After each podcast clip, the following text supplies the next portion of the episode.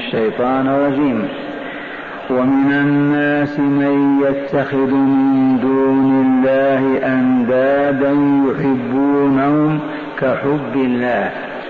والذين آمنوا أشد حبا لله.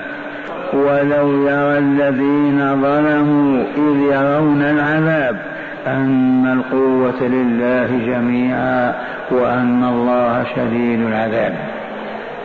إذ تبرأ الذين اتبعوا من الذين اتبعوا ورأوا العذاب وتقطعت بهم الأسباب. وقال الذين اتبعوا لو أن لنا كرة فنتبرأ منه كما تبرأوا منا. كذلك يريهم الله أعمالهم حسرات عليهم وما هم بخارجين من النار. يقول تعالى ومن الناس ناس من الناس ما قال ومن الجن والإنس لأن الهداية التي يقوم بها الرسول متعلقة بالبشر ما هي بالجن؟ للجن دعاتهم. تباتم ومن الناس من يتخذ من دون الله أندادا. الأنداد جمع ند وهو المثيل والضد. فلان ندك يساويك. يطلب مالك تطلب أنت من العظمة والخير والغير. الأنداد جمع ند وهو ما عبد دون الله. مما اتخذه الجهال والضلال والضلال آلهة يعبدونهم. هذا إخبار من الله. وهو حق ولا والله كما أخبر. ومن الناس من يتخذ من دون الله أندادا يحبونهم كحب الله. يحبون تلك الأنداد تلك المعبودات مع الله كحب الله. هذا بالنسبة إلى المشركين من العرب. كانوا يحبون الله. ويدلك على حبهم أنهم يعظمون حرماته الأشهر الحرم إذا أهل هلال رجب لا تسمع قعقعة السلاح. دخل الشهر الحرام لا قتال ولا نهب ولا غزو ولا غارة. إذا دخل الحرم وقد قاتل أباك لا تنظر إليه. عظيم. يعظمون بيته يحجونه. إذا فهم يحبون الله شيئا ما. ثباتوا ويحبون اللات والعزى ومناة والآلهة. فيخبر تعالى عنهم فيقول ومن الناس من يتخذ من دون الله أندادا يحبون كحب الله والذين آمنوا أشد حبا لله. هذه أسكتتنا. والذين آمنوا أشد حبا لله. نعم. أشد حبا من كل محبوب ومحب لله. فالذي يروح على أنفسنا هو هل يوجد بيننا مؤمن أو مؤمنة؟ يكره الله؟ لا والله. مستحيل. أن يكره مؤمن ربه. إذا لم يكره معناه أحبه الحمد لله. الحمد لله. أننا أشد حبا لله من غيرنا. ممن يحبون الله ويحبون آلهتهم.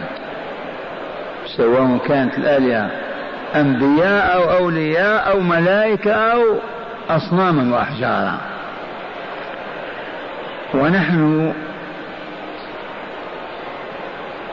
نحب الله عز وجل ولكن نتفاوت في هذا الحب. وتتجلى محبة الله محبة الله بالعبد بقدر ما هو مقبل على طاعته. يظهر حبه. والرسول صلى الله عليه وسلم علمنا وهو يدعو اللهم إني أسألك أسألك حبك وحب من يحبك وحب كل عمل يقربني من حبك. اللهم اجعل حبك أحب إلي من أهلي ونفسي ومالي. هكذا يدعو بهذا الدعاء.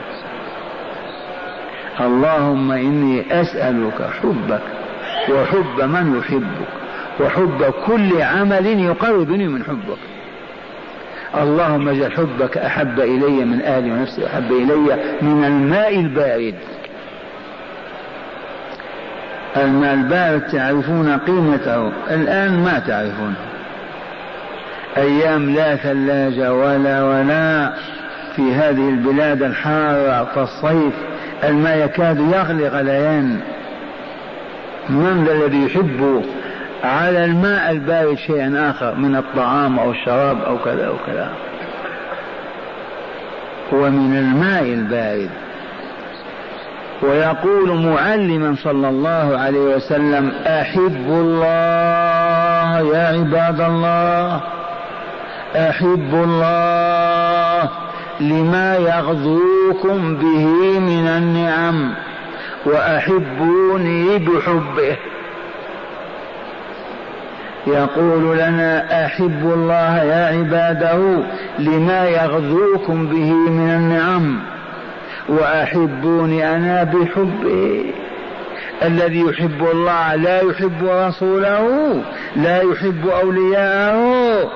إذ قلنا الذي يحب الله تعالى يحب كل ما يحب الله. أليس كذلك؟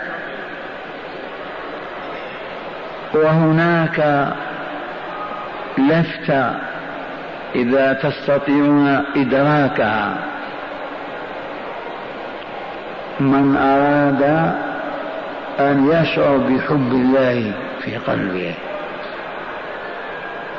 من أراد منكم أيها السامعون ويا أيتها المستمعات من أراد أن يشعر شعورا حقيقيا بأنه يحب الله تعالى فوق كل محبوب فليذكر نعم الله تعالى عليه.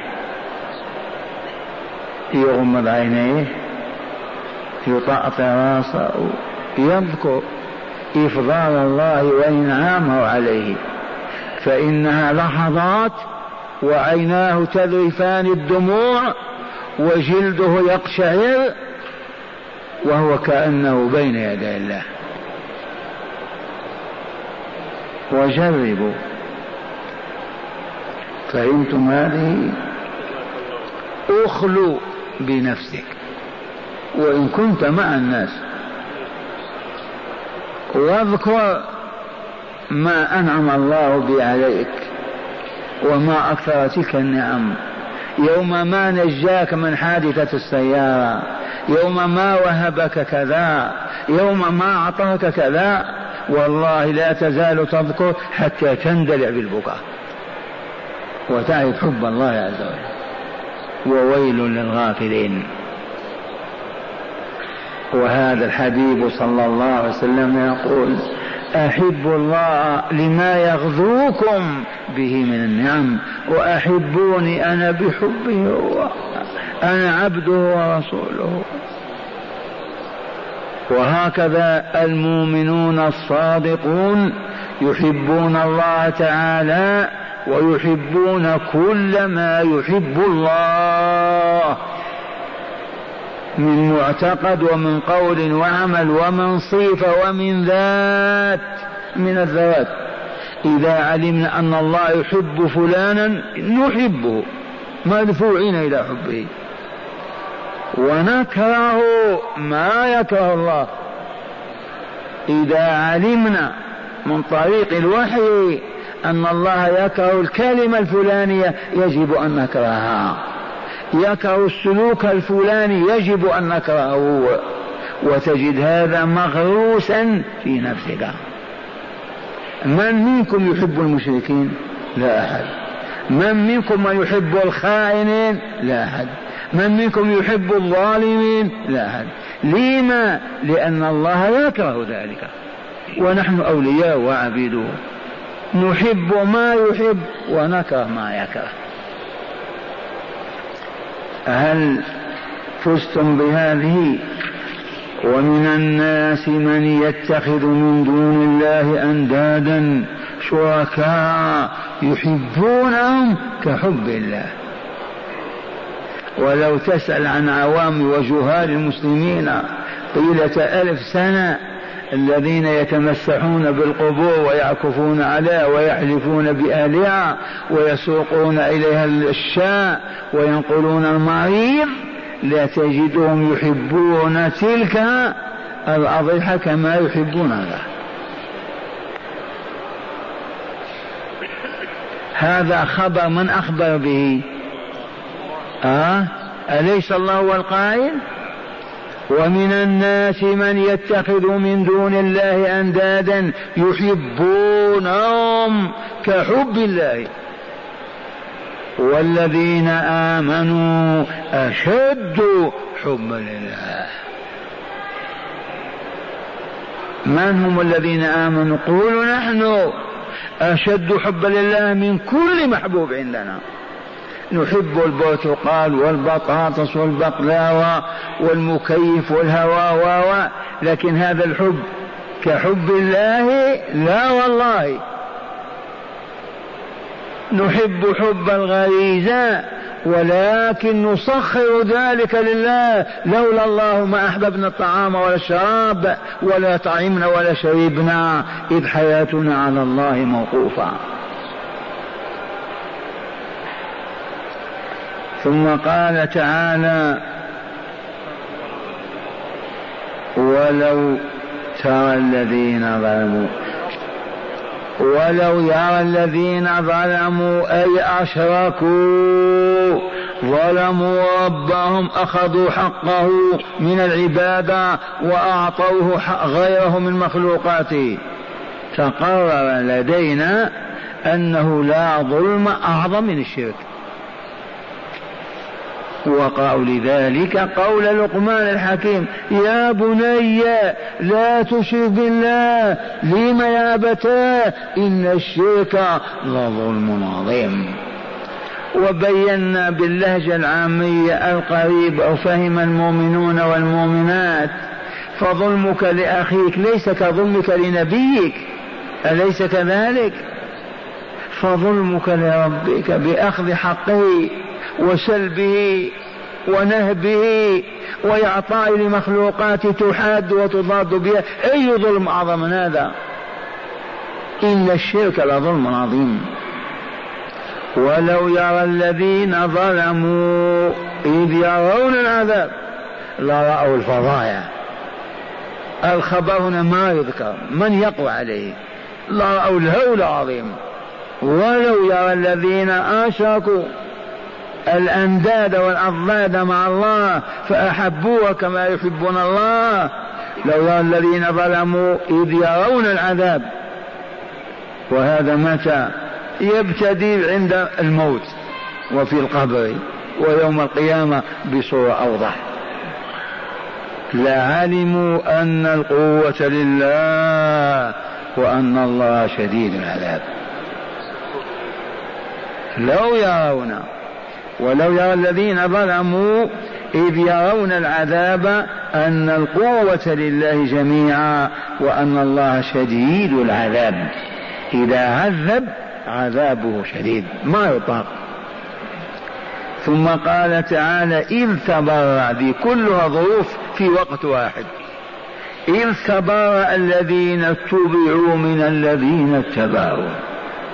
الرؤساء المعبودون المؤلهون ما إن يقفوا بين يدي الله ويساق إلى جهنم ويدخلوها إلا وهم يتبرؤون ممن عبدوهم البراءة الكاملة ما عبدناهم ما عرفناهم أبدا ينكرون.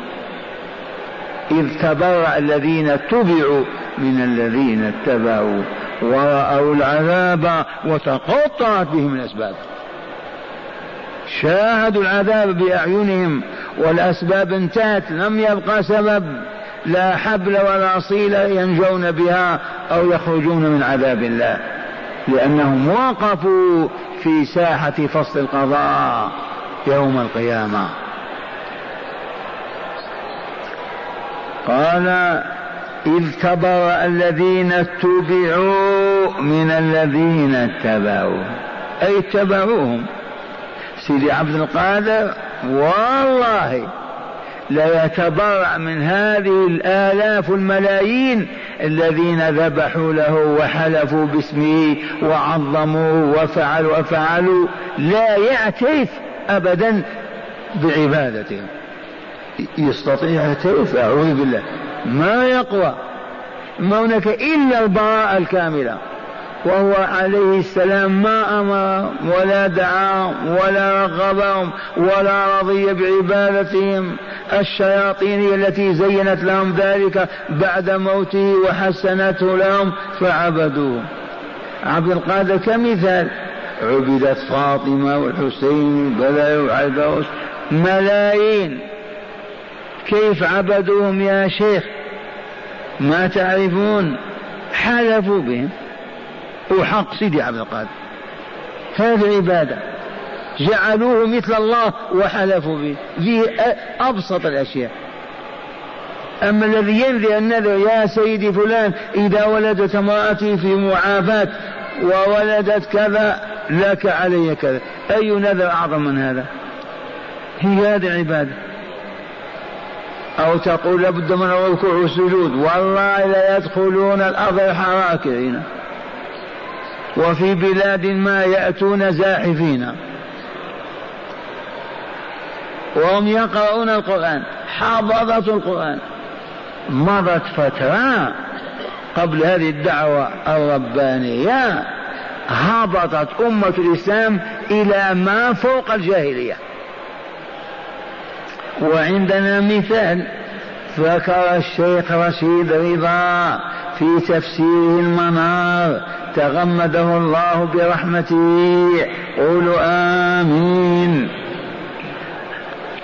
ذكر أن سفينة عثمانية على عهد الخلافة العثمانية تقل الحجاج الحجاج من طرابلس الغرب إلى الإسكندرية إلى حيفا إلى يافا إلى آه، مواني الشرق الأوسط الخلافة وهي مقبلة على الحج.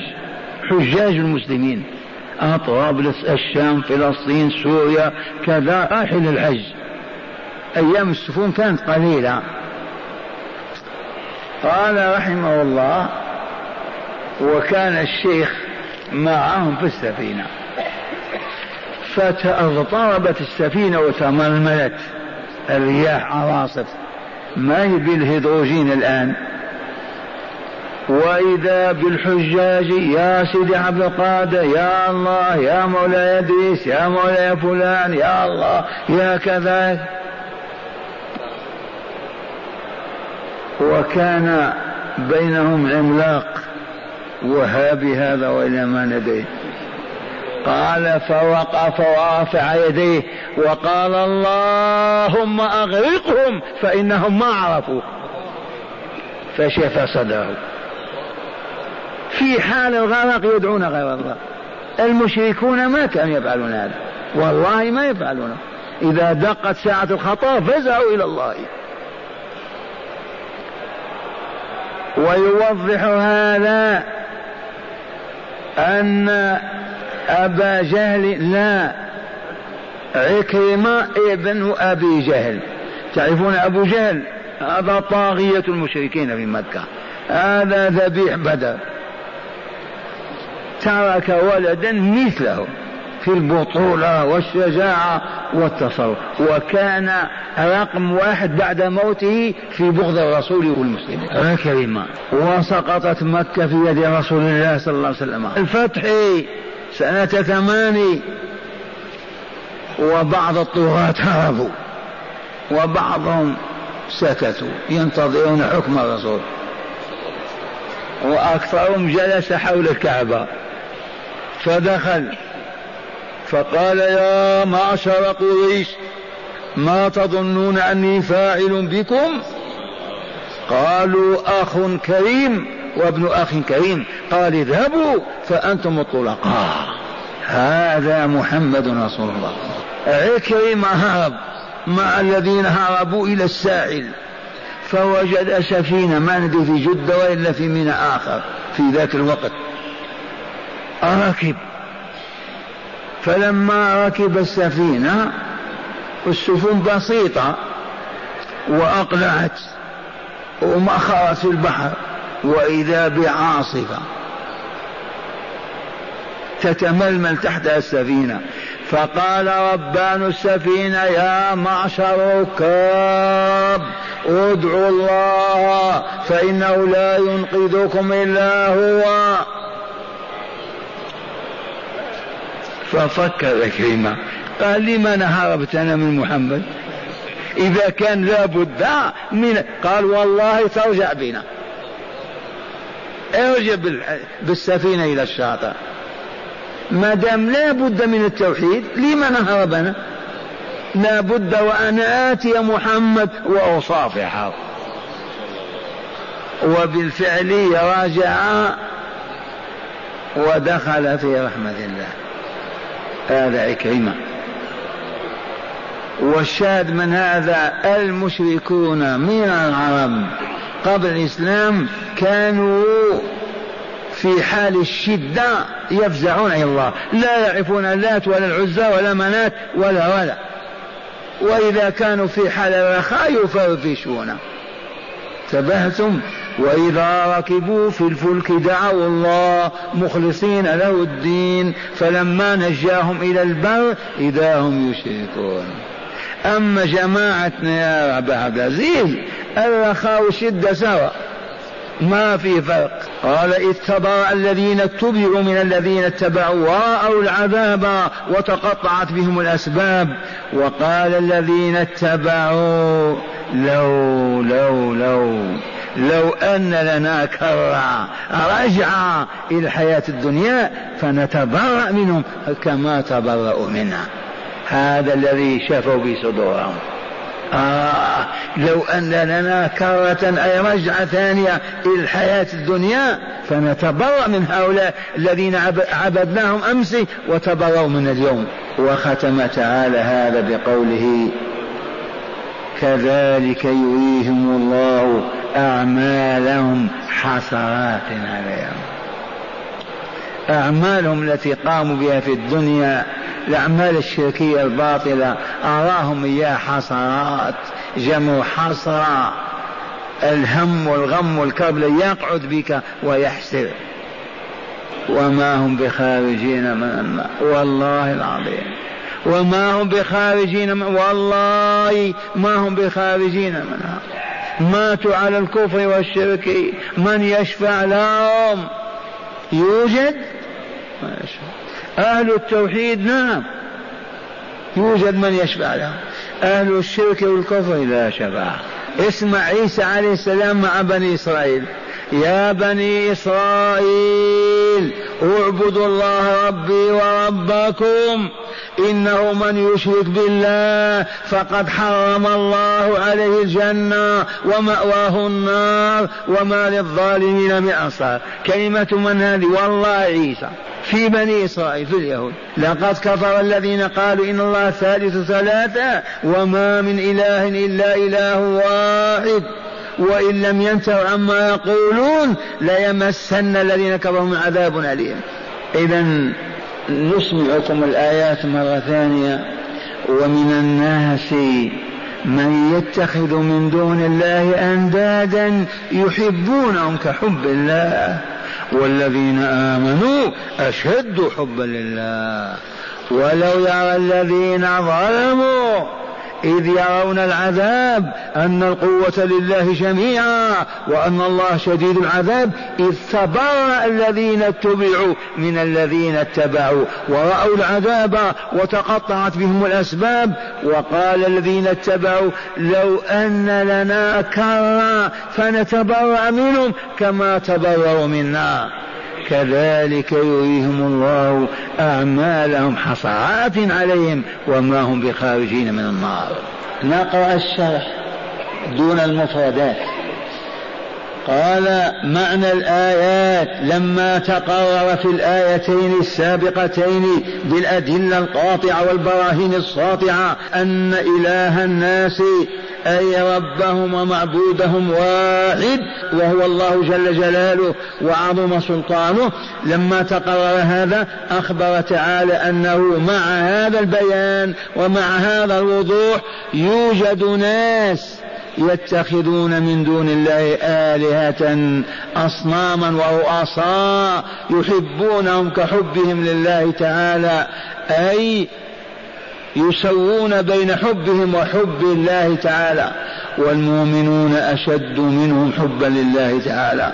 كما أخبر تعالى أنه لو يرى المشركون عند معاينتهم العذاب يوم القيامة لرأوا أمرا فظيعا يعجز الوصف عنه ولا علموا أن القوة لله وأن الله شديد العذاب. إذ تبرأ المتبوعون وهم الرؤساء الظلمة دعاة الشرك والضلالة تبرأوا من متبوعيهم الجهل المقلدين.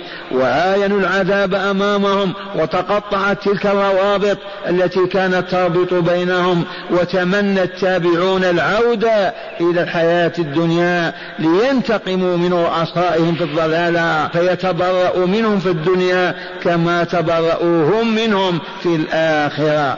وكما أراهم الله تعالى العذاب فعاينوا يريهم أعمالهم القبيحة من الشرك والمعاصي فتعظم حسرتهم ويشتد كربهم ويدخلون بها النار فلا يخرجون منها أبدا. قال هداية الآيات أي نستخرج من هذه الآيات الأربعة؟ هدايتها. أولا وجوب حب الله تعالى وحب كل ما يحب الله عز وجل بحبه تعالى. واجب ولا لا؟ دلت الآيات على وجوب حب الله تعالى وحب كل ما يحب الله من أجل الله. ثانيا من الشرك الحب مع الله تعالى. نحن لا نحب زيدا ولا عمرا ولا دينار ولا منزل إلا بحب الله ومن أجل الله. أنت تحب بقرتك؟ لا بأس. من أجل من؟ من أجل الله لأنك تحلب لبنها وتقتات به لتعبد الله. لا تحبها استقلالا. أنت تحب الشيخ ولا لما تحبه؟ فقط من أجل الله. وهكذا. حتى حب الغريزة نصرفه لله. لا نحب إلا لله وبالله. ثالثا قال يوم القيامة تنحل جميع الروابط. من صداقة من نسب ولم يبقى إلا رابطة الإيمان والآخرة والأخوة فيه. أعيد هذا. قال من هداية هذه الآيات ثالثا يوم القيامة تنحل فيه جميع الروابط من صداقة ومن نسب ولم يبق إلا رابطة الإيمان والأخوة في الإيمان. هذا الذي يبقى. كل الروابط انحلت لا قرابة لا صداقة لا لا لا إلا ما كان في الله. رابعا قال تبروا رؤساء الشرك والضلال ودعاة الشر والفساد ممن أطاعوهم في الدنيا واتبعوهم على الظلم والشر والفساد. وليس بنافعهم ذلك. لما يتبرؤون يرحمون يعني أو يكون هذا عذرا لهم ما ينفع. زيادة في الحصر لا أقل ولا أكثر. ذكرت لكم لطيفة نفعنا الله بها. ما هي في الحب؟ في بداية الدرس. قلت لكم هل مؤمن يكره الله؟ أيوجد مؤمن يكره الله؟ أو يكره ما يحب الله؟ إذا هذا معناه أنه يحب الله. وبذلك سعدنا وارتحنا. وإلا والذين آمنوا أشد حبا لله. ما هي مظاهر حبك لله أنت؟ عرفتم هذه ولا لا؟ فخطونا أولا قلنا لا يوجد في نفوس المؤمنين الصادقين كره لله قط. ومعناه أنهم يحبونه الشخص الذي لا تكرهه تحبه والذي تحبه تكرهه؟ الجواب لا. ثانيا من أراد أن يحب الله حب يسيطر على مشاعره يذكر آلاءه وإنعامه عليه. لا تنسى إفضال الله وإنعامه عليك. تتوق نفسك إلى الله. وزيد ثالثا ذكره تعالى. ذكر الله إذا لازمته يكسبك حب الله أكثر. والله تعالى أسأل أن يرزقنا هذا وأن يجعلنا من أحبائه ومحبيه.